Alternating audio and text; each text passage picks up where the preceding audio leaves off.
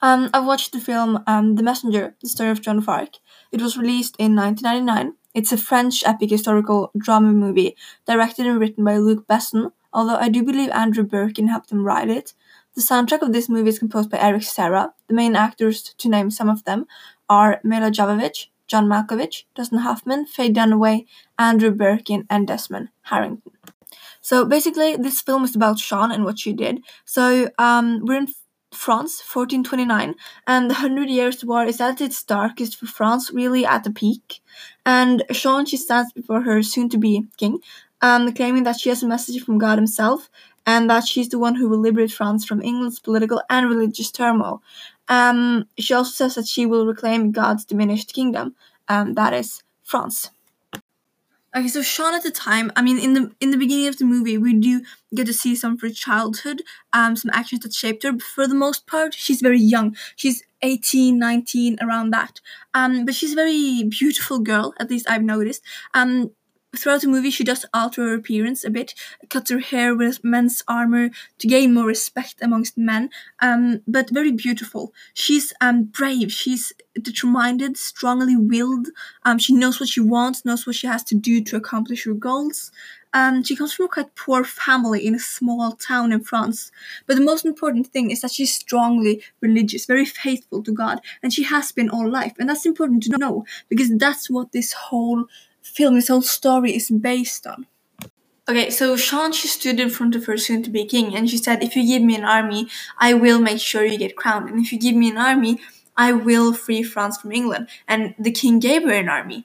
And she fought, she fought for France and she freed more and more land from the English, but as everything else, her trail of victory, it did not last forever. And she was eventually captured and traded to the English, and there she was placed before the court and forced to sign a plea of guilt. Okay, so at this point of the movie, um, Jeanne's just been tricked into signing this plea of guilt, and that's when a quite interesting character comes. Uh, her conscience. It makes her doubt herself. Doubt: was it right? Was it wrong? What I did? Do I have the right to say that God sent me? Do I have the right to decide what people should do? Um, uh, but she believes. She believes in what she's done. She believes it was right. She believes God sent her, and she demands her signature back. She demands these papers back, and that's when the English see no other option but to give her a death sentence, and she's burned at the stake.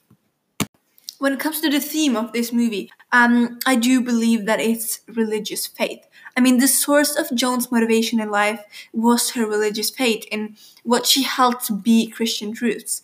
It was her unshakable faith that underpinned all her actions and provided the source for her visionary experiences that we do get to see.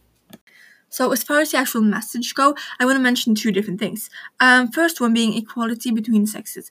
Now, we do have that in a lot of countries in the world today, but not everyone has gotten that far. But she was a girl, and people didn't believe in her because of that. She was a female. So, throughout the film, she alters her appearance, cuts her hair, wears men's armor to look more masculine, to gain respect. And this is important to take notice to because um, women can accomplish just as much as men and and same way other way around.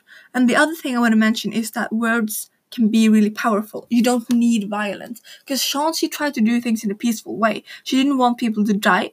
She didn't want unnecessary killings.